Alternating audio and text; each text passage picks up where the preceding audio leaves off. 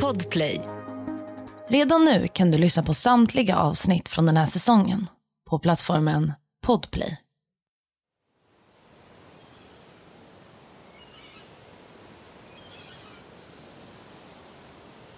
Det är den 26 mars 2018, Kalifornien.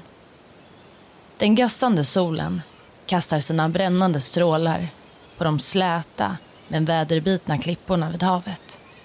Havet anfaller klipporna och längs vattenbrynet vaggas småstenar fram och tillbaka.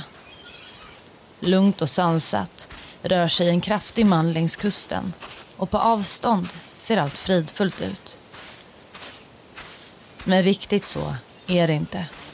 För det som såg ut att vara en naturlig del av de mäktiga klipporna har visat sig vara en upp och nervänd bil. Med tunga steg och en klump i magen närmar sig mannen sakta men säkert.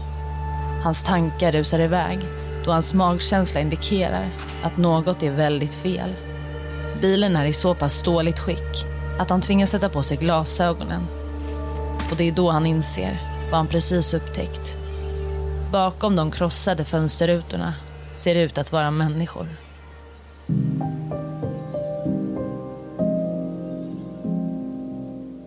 Det här är berättelsen om Jennifer och Sara Hart och deras sex barn. Du lyssnar på Jakten på mördaren med mig, Saga Springhorn. Dagens avsnitt är skrivet av Lisa Törnlöf. Jag vill varna för grova och ingående våldsskildringar gentemot barn i dagens podcastavsnitt.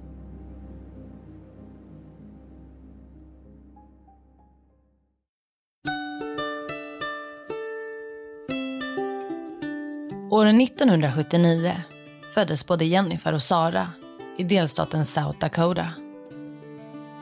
Utöver deras gemensamma födelseår var båda kvinnorna dessutom äldst i respektive syskonskara. Jennifer hade två syskon och Sara tre, så att styra och ställa föll dem naturligt. Men till skillnad från livfulla Jennifer beskrevs Sara som en mer tillbakadragen och tystlåten tjej och på så vis skulle de komma att komplettera varandra. Deras vägar skulle däremot inte mötas förrän vid vuxen ålder då de blev förälskade i varandra under sina studier på Northern State University. Tanken var att både Jennifer och Sara skulle bli förskolepedagoger. Men det var endast Sara som skulle lyckas ta examen. Jennifer hoppade av utbildningen medan Sara år 2002 blev färdig förskolepedagog med en fördjupning i specialpedagogik. På Facebook återberättade Jennifer om parets tid på universitetet i South Dakota. Hon beklagade sig över homofobin i delstaten och på campus och beskrev hur de till en början tvingats ljuga om relationen. Och när Jennifer och Sara väl vågade berätta att de var ett par för deras vänner och bekanta möttes de av förakt. På så vis tappade de kontakten med många människor som en gång stått dem nära. År 2004, det vill säga två år efter att Sara tagit sin examen, så flyttar paret till staden Alexandria i den närliggande delstaten Minnesota. Väl i Alexandria börjar de arbeta inom detaljhandeln för butikskedjan Herburgers. I samma veva bestämde sig även paret för att vara öppna för allmänheten med sin relation. Sara var en flitig kvinna och skulle komma att befordras till butikschef. Jennifer å andra sidan var inte till lags och bytte jobb regelbundet. Ja, hur paret betedde sig under sina studier och i sitt yrkesliv säger faktiskt mycket om hur Jennifer och Sara var som personer. Sara var den som tog examen medan Jennifer hoppade av. Och Sara tilldelades befordran efter befordran medan Jennifer regelbundet sökte efter en ny arbetsplats. Sara var helt enkelt den mer regelrätta medan Jennifer var en gnutta mer impulsiv. Samma år som paret flyttade till Minnesota fick de likt många andra par en längtan efter att skapa sin egen familj.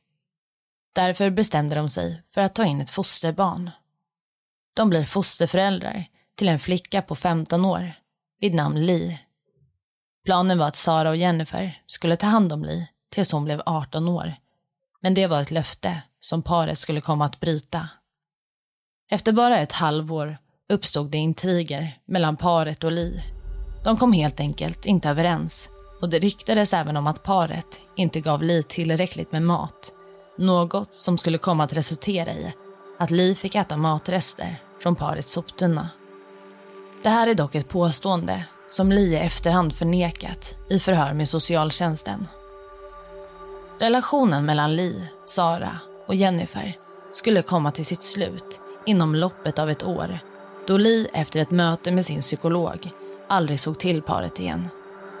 Li omplacerades abrupt och väl hos hennes nya fosterfamilj fanns alla hennes tillhörigheter. Hon fick alltså inte möjlighet att säga hej då till Sara och Jennifer. År 2006, alltså två år efter att paret gjort sig av med 15-åriga Li, tar de emot tre nya fosterbarn bestående av syskonen Marcus, 7 år, Hanna, 4 år och Abigail, 2 år. Vid den här tidpunkten börjar Jennifer också bli väldigt aktiv på Facebook. Hon skriver ett långt inlägg om de tre barnens första natt hemma hos paret.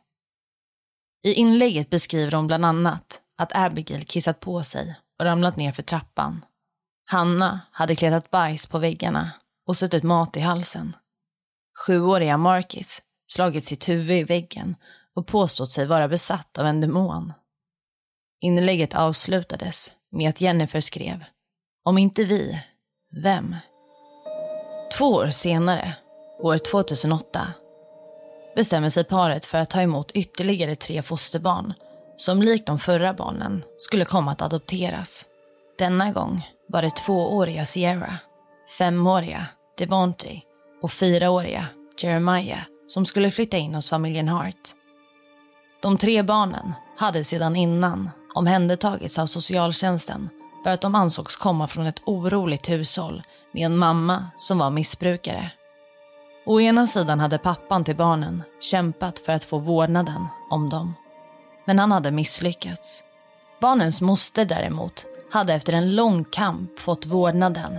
Men när socialtjänsten senare kom på ett oanmält besök upptäckte man att mostern låtit barnens biologiska mamma sitta barnvakt. Hon som var missbrukare och bedömd som olämplig att ta hand om barnen. De behövde därför omplaceras på nytt.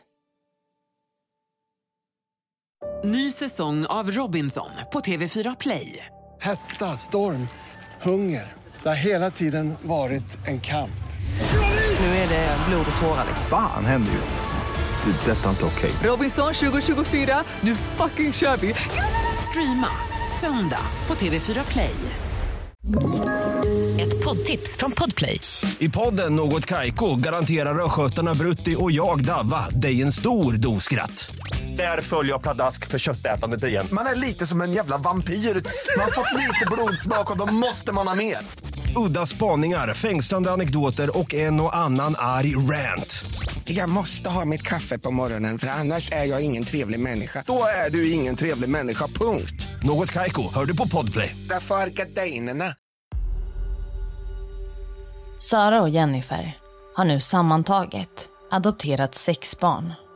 50 procent av Saras och Jennifers totala inkomst kom från delstaten Texas i form av bidrag då alla deras fosterbarn ursprungligen adopterats därifrån.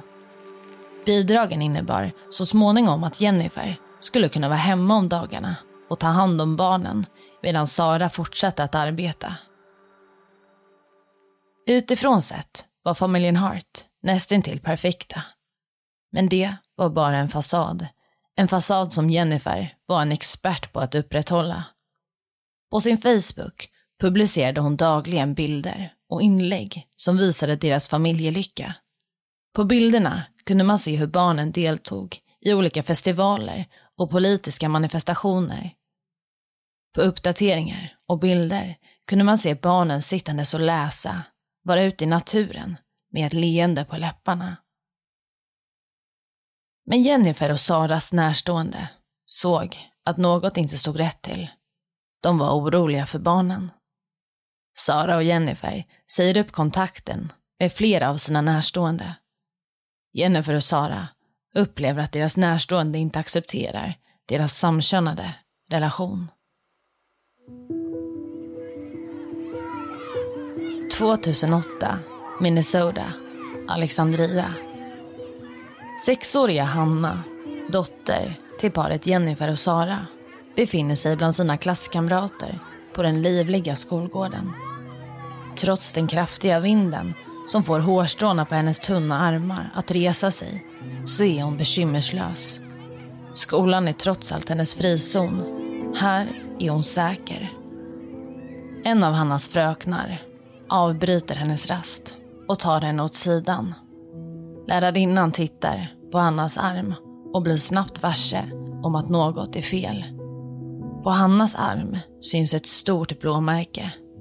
I nästa sekund slussas Hanna in mellan portarna och genom den långa korridoren till ett avskilt klassrum. Väl i klassrummet börjar Hanna berätta om sin familjesituation. Lärarinnan blir orolig. Med en skakig röst förklarar Hanna att hon för några dagar sedan ljugit för sin mamma Jennifer och för det hade hon fått rapp med ett skärp.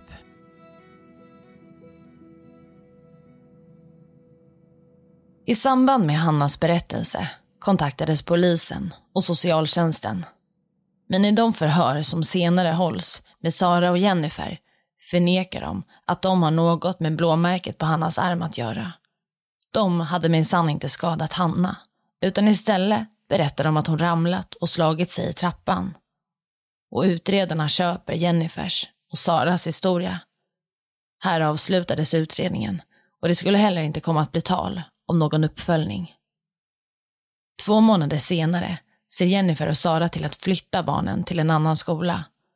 Men Hanna kommer att berätta sanningen igen till sina nya lärare. På den nya skolan berättar hon ännu en gång om något bekymmersamt. Hon påstår bland annat att Jennifer slagit henne och straffat henne genom att doppa hennes huvud i iskallt vatten då hon stulit en slant ur hennes plånbok. Men än en gång så leder inte det här till några större konsekvenser för paret. År 2011, hela tre år efter att den första anklagelsen riktats mot Sara och Jennifer, skulle barnens situation tas på allvar. Nu var det istället sjuåriga Abigail som började berätta om sin hemmasituation för sina lärare. Hon beskriver hur hennes mamma Jennifer brukar slå henne. Enligt Abigail blev alla hennes syskon hårt straffade för minsta snedsteg.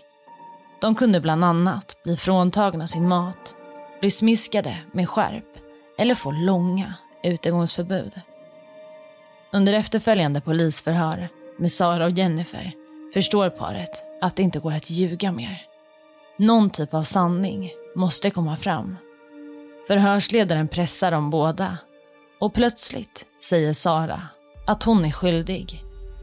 Sara erkänner att hon var källan till barnens missnöje och att hon hade en del aggressionsproblem. Trots att varenda barn pekat ut Jennifer som den skyldige.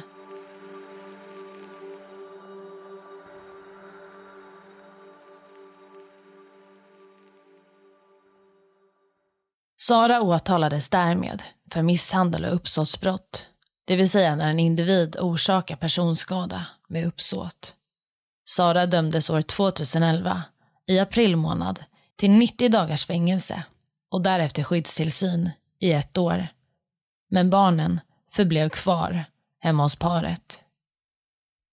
Efter att Sara suttit av sitt fängelsestraff fortgick vardagen som vanligt. Sara jobbade medan Jennifer stannade hemma och tog hand om barnen. År 2013 flyttar familjen från Minnesota till Oregon för att börja om på nytt. Sara och Jennifer gifter sig. På Facebook publicerar Jennifer var och varannan dag. Barnen ser ut att vara lyckliga. De har matchande t-shirts och vid mors dag ser man en bild på Jennifer, Sara och alla deras sex barn. I ett inlägg där Jennifer firade nioårsjubileum för tre av sina barns adoption skrev hon Jag är en bättre människa på alla möjliga sätt för att jag har fått lära känna dessa barn. Det har varit mina absolut bästa lärare. I motsats till den vanliga uppfattningen att vi inte kan välja vår familj så kan vi absolut göra det. Vi väljer genom att älska och det är värt att fira varenda jäkla dag. Slutcitat. År 2016 verkar någonting dock ha förändrats. Jennifer uppdaterar inte sin Facebook längre. I hela ett års tid förblir det tyst på Jennifers Facebook-sida. Väldigt olikt henne. Jennifer själv menar att hon behövt paus från sociala medier för att ingen förstår hennes och Saras livsstil. De hade blivit kritiserade, vilket lett till att hon slutat berätta om sitt liv. Personalen på barnens nya skola i Oregon hade uppmärksammat att barnen var undernärda och konstant hungriga. Hanna hade berättat för skolsystern att hon ätit rester från soptunnorna i hemmet. Socialtjänsten var efter Sara och Jennifer och paret valde att fly. Och denna gång till delstaten Washington. Deras tredje flytt som familj. Och deras sista. År 2017 flyttar familjen alltså till Washington. Och det är nu paret även börjar isolera sina barn. Jennifer och Sara beslutar sig för att undervisa barnen på egen hand. Ingen riktig skola för någon av barnen. På det här sättet kan Jennifer och Sara undvika socialtjänsten och orosanmälningar från skolan. Valet att undervisa barnen i hemmet väckte däremot en del oro bland parets bekanta. De menade att Jennifer var alltför hård mot barnen och styrde deras vardag nitiskt, som att de var en del av militären. Bland annat såg Jennifer till att de marscherade på rad, frågade om tillåtelse för att gå på toaletten och räckte upp handen innan de talade. Barnen var extremt disciplinerade, men bakom det skötsamma beteendet gömde sig rädsla. De straffades nämligen för varje snedsteg och de många hoten var en naturlig del av deras vardag. Vittnen har i efterhand berättat hur Jennifer brukade hota barnen när de inte ville le på hennes bilder. Med tiden uteslöt Jennifer och Sara allt mer sina vänner. Den som klagade eller lämnade in orosanmälningar fick helt enkelt gå. Och hur paret lyckades komma undan de konstanta anklagelserna var att påstå att de som anmälde antingen var homofober eller rasister. Ny säsong av Robinson på TV4 Play. Hetta, storm, hunger. Det har hela tiden varit en kamp. Nu är det blod och tårar. Fan händer just nu. Det. är Detta är inte okej. Robinson 2024, nu fucking kör vi! Streama söndag på TV4 Play. Ett poddtips från Podplay. I fallen jag aldrig glömmer djupdyker Hasse Aro i arbetet bakom några av Sveriges mest uppseendeväckande brottsutredningar. Går vi in med hemlig telefonavlyssning och, och då upplever vi att vi får en total förändring av hans beteende. Vad är det som händer nu? Vem är det som läcker? Och så säger han att jag är kriminell, jag har varit kriminell i hela mitt liv men att mörda ett barn, där går min gräns. Nya säsongen av Fallen jag aldrig glömmer på Podplay. Mörkret har lagt sig över Washington, Woodland, där paret bor. Och i det lilla grannskapet syns nu bara ljuset från gatlyktorna. Plötsligt sprids ett gnisslande ljud ut över den stillsamma gatan och ett fönster öppnas upp. Från den andra våningen i det ljusblåa huset kikar en liten flicka ut. Fast besluten att få ett slut på eländet som pågår bakom stängda ridåer hoppar hon ut genom fönstret. Vinden susar genom hennes hår när hon springer barfota över gräsmattan och in till granntomten. Hon tar ett djupt andetag och knackar på. Om inte grannarna Dana och Bruce kan hjälpa henne, vem kan göra det då? Efter några minuter öppnar grannparet dörren i chock. Klockan är två på natten och framför dem står den lilla grannflickan och hon är upprörd. Snälla släpp in mig, säger hon om och om igen. Det var 15-åriga Hanna som sprang över till grannarna den där novemberkvällen år 2017. Hon var i ren desperation vid det här laget och ville ha hjälp. När grannarna väl släppt in henne i deras hus bad hon om mat. Hanna bad också om att få stanna hemma hos Dana och Bruce. Hon berättar att det inte finns tillräckligt med mat hemma. Att hon är rädd.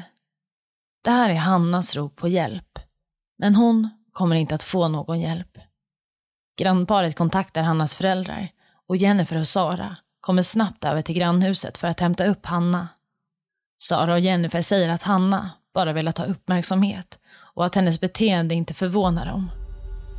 Dagen därpå får Hanna skriva ett handskrivet brev till grannarna och be om ursäkt. Hon skriver i brevet att hon ljugit om det hon berättat under natten. Ja, Hanna försöker alltså få hjälp, men det blir inte riktigt som hon tänkt sig. Väl hemma igen blir hon uppläxad och manipulerad av sina föräldrar som tvingar henne att be om ursäkt till grannarna. Det här är en teori som stärks av det handskrivna brevet grannparet får dagen därpå. Enligt Dana och Bruce var det som att en vuxen hade formulerat brevet och inte ett barn. I efterhand har dessutom grannparet påpekat att Hanna inte såg ut att vara 15 år då hon var så undernärd. Dessutom saknade hon två framtänder, vilket var något som fick henne att se betydligt yngre ut. Dana och Bruce kontaktar inte polisen, men när Dana berättar för sin pappa om vad som hänt så blir han väldigt orolig och därför kontaktar han polisen. Vi ska lyssna till hur det lät. There's some kids that I feel is being highly abused, and I Hey, can't where wait at? till Monday in uh, Woodland, Washington. What's the address?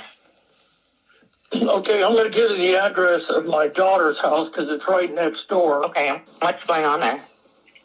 Well, they have four black children, which that part doesn't matter, and they're they're new here in Texas. But the other night, a little girl jumped out of the second story window on the roof and then down onto the ground and ran to my daughter. And this is like two in the morning, begging them to help her, to help her.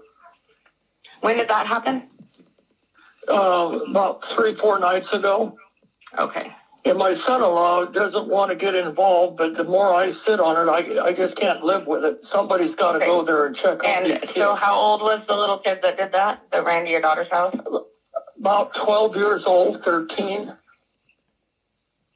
And when they came looking for her, she was begging my daughter not to let them know she was there. And then eventually my son-in-law let them know. And then she had all four of the kids come back later and to say everything was okay and they were all standing at attention like they were just scared to death. And I think there's something very serious going on there. And they're here from Texas. The kids might even be kidnapped. Okay. And um, so did the girl ever say why she was scared?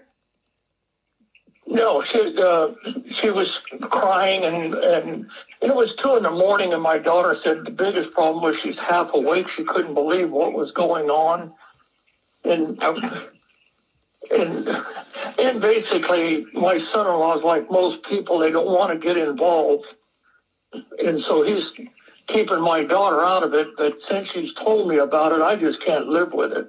I'm very concerned for these kids. I just can't let this go any longer. Those kids, I think, is in very serious danger.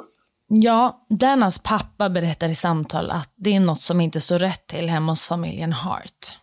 Han pratar om fyra barn, vilket inte stämmer. Det rör sig ju om sex barn. Men han har inte all information på bordet. Danas pappa säger också att familjen kommer från Texas och det är ju något som inte heller stämmer. Men däremot är barnen adopterade från just Texas. Men det viktigaste i det hela är ju att han faktiskt ringde in och upplyste polisen om barnens situation i hushållet. Och det här leder faktiskt till att polisen i Washington påbörjar en utredning. Men det kommer inte att resultera i någonting. Vi fortsätter. Grannparet Dana och Bruce är misstänksamma. Stämmer allt verkligen? De börjar hålla koll på familjen Hart. De inser att det är mycket som de inte tänkt på tidigare. Barnen är magra, undernärda och dessutom är familjen Harts persienner alltid neddragna. Det går ungefär ett halvår. Sen kommer ytterligare ett barn och knackar på hemma hos Dana och Bruce.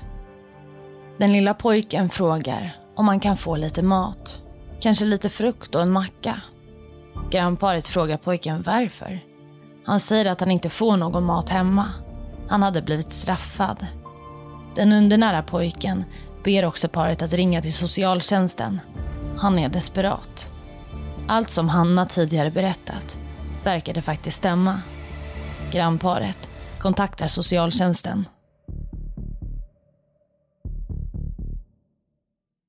I slutet av mars månad 2018 kopplas polis och socialtjänst in i bilden. Men när socialtjänsten väl är på plats hemma hos familjen Hart så är ingen där. Familjen hade lämnat huset och flytt. Dagen innan familjen lämnat sin bostad ringde Sara till sitt arbete och sjukskrev sig. Hon påstod att hon behövde träffa en läkare. Det här var något som hennes kollegor tyckte var konstigt då hon aldrig tidigare sjukskrivit sig. Som en trevlig gest och krya på-gåva ville kollegorna därför komma förbi med lite godsaker. Men när de är utanför huset och knackar på är det ingen som öppnar. Sara svarar inte heller när de försöker nå henne. Kollegorna kontaktar polisen. Men vad är det egentligen som hänt med familjen? Jo, den 24 mars år 2018 tar Jennifer och Sara med sig sina sex barn ut på en roadtrip till soliga Kalifornien. Paret har en förskräcklig plan som skulle komma att sätta stopp för ett slutgiltigt ingripande från socialtjänsten och polisens sida. Omedvetandes om den fruktansvärda planen hoppar deras sex barn in i den enorma bilen och därefter åker de iväg. Under resans gång stannade paret till vid ett flertal affärer. På Walmart köpte Sara något som kallades Benadryl. Det är ett vanligt läkemedel som man använder vid allergier och det har en tendens att göra en sömnig. Läkemedlet motverkar effekten av histaminer i hjärnan. Sara la mängder av det här läkemedlet i barnens mackor. Hon räckte över mackorna och de hungriga barnen åt. Barnen blev nästintill medvetslösa. Nästa steg var för Sara att droga sig själv. Hon tog 42 piller av läkemedlet. Jennifer är den som kör. Jennifer är den som agerar chaufför. Hon dricker öl under resan och blir full. När klockan slagit tre på morgonen befinner sig familjen Hart i Westport i Kalifornien och Jennifer stannar bilen på en 30 meter hög klippa intill havet. I nästa stund trycker Jennifer gasen i botten vilket får hela bilen att kasta sig ut över klippväggen.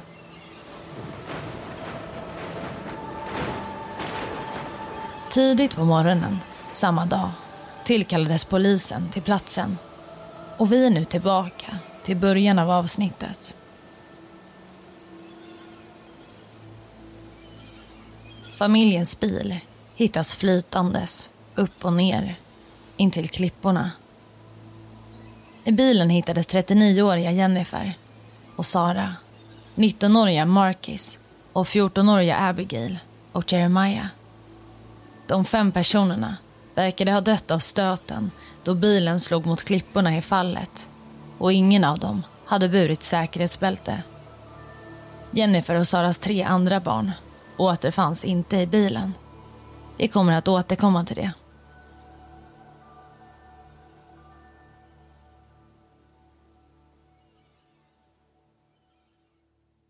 Till en början tänker sig polisen att det rört sig om en olycka. För vem skulle medvetet ta livet av sig själv och sina barn. Vad var det egentligen som hade hänt? Var det möjligtvis fel på bromsarna? Men det skulle inte dröja länge förrän sanningen kom fram. Sanningen som skulle komma att chocka en hel nation. Vid undersökningen av brottsplatsen fanns det först och främst inga tecken på att en bil hade bromsat. Polisen återfann också Saras mobiltelefon vars Google-historik var chockerande. Bara några minuter innan bilen kört ut över klippan hade hon googlat på hur många Benadryl man behövde ta för att dö och hur lång tid det skulle ta att drunkna. Och i och med boxeringen av bilen lyckades polisen också utvinna ytterligare information som förtydligade händelseförloppet. Genom att undersöka bilens svarta låda, som lagrat information om bilens rörelsemönster, visade det sig att bilen först stannade till för att sedan accelerera till 150 kilometer i timmen. Jennifer Hart hade alltså självmant kört familjens bil ut över en 30 meter lång klippvägg och på så vis dödat alla familjemedlemmar. I samband med husrannsakan i familjens bostad fann polisen ännu mer oroande tecken. Det fanns inga leksaker där och inte heller sängar för alla barnen. Utredarna lägger också märke till att familjen inte tagit med sig någon packning eller tandborstar när de begett sig. Nu började ett motiv växa fram. Jennifer och Sara hade både polis och socialtjänst efter sig och med största sannolikhet skulle de bli fråntagna sina barn och hamna i fängelset. Något som de inte ville acceptera. Polisen hade bara hittat tre av sex barn i bilen, vilket fick dem att bli fundersamma. Kanske hade några av dem lyckats överleva. Men bara två veckor senare hittas 12-åriga Sierras kropp och två månader efter det dök 16-åriga Hannas fot upp. Därmed dödsförklarades båda flickorna. 15-åriga Devantes kropp hittades aldrig, men med största sannolikhet för att hans lik ut till havs och han dödsförklarades likaså. Vid obduktionen av kropparna gjorde rättsläkarna ett flertal intressanta fynd som bekräftade de flertal anklagelserna som riktats mot Jennifer och Sara. På Abigails kropp hittas flera spår av grov misshandel. Hennes kropp var täckt av blåmärken av olika slag. Alla barn utom ett var dessutom undernärda. Barnen hade inte fått tillräckligt med mat. I barnen och Saras kropp fann man höga doser av Benadryl vilket fick polisen att tro att de med största sannolikhet varit medvetslösa eller sovandes vid deras död. Man kan också konstatera att Jennifer varit full då hon kört bilen utför klippan. Hon hade en promillehalt på 1,2 i blodet. Grannen Dana, som slutligen anmälde familjen till socialtjänsten, har än idag svårt att förlåta sig själv för att hon anmälde Jennifer och Sara. Hon tänker sig att det fruktansvärda kanske inte inträffat om hon låtit bli att anmäla. Jennifer och Saras död rubricerades som självmord medan de sex barnens bortgång rubricerades som mord. Sex oskyldiga barn mister sitt liv för att systemet inte fungerar som det ska. För varje gång paret blev rapporterade flydde de bara och hade socialtjänsten agerat snabbare kanske barnen hade levt idag.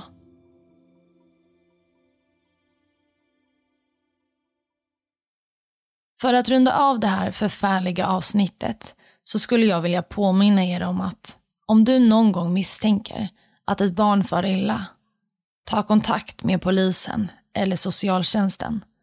Det kan rädda liv. Tack för att du har lyssnat på dagens avsnitt.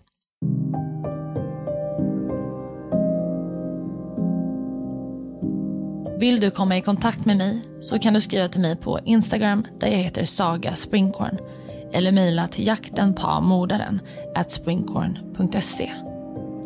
Tack för att du har lyssnat på dagens avsnitt.